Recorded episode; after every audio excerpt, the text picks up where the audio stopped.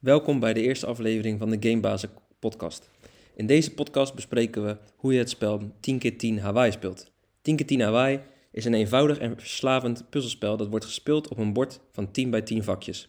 Het doel is om zoveel mogelijk punten te scoren door rijen en kolommen te maken met gekleurde blokken.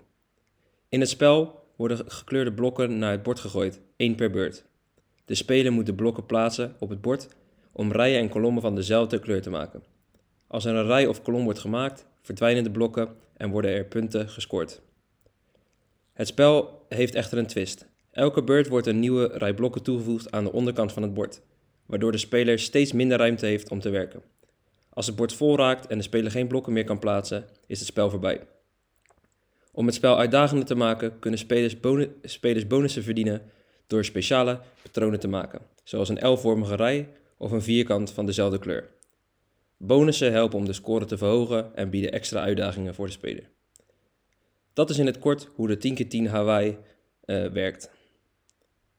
Het spel is gemakkelijk te begrijpen en biedt een leuke uitdaging voor alle leeftijden en niveaus.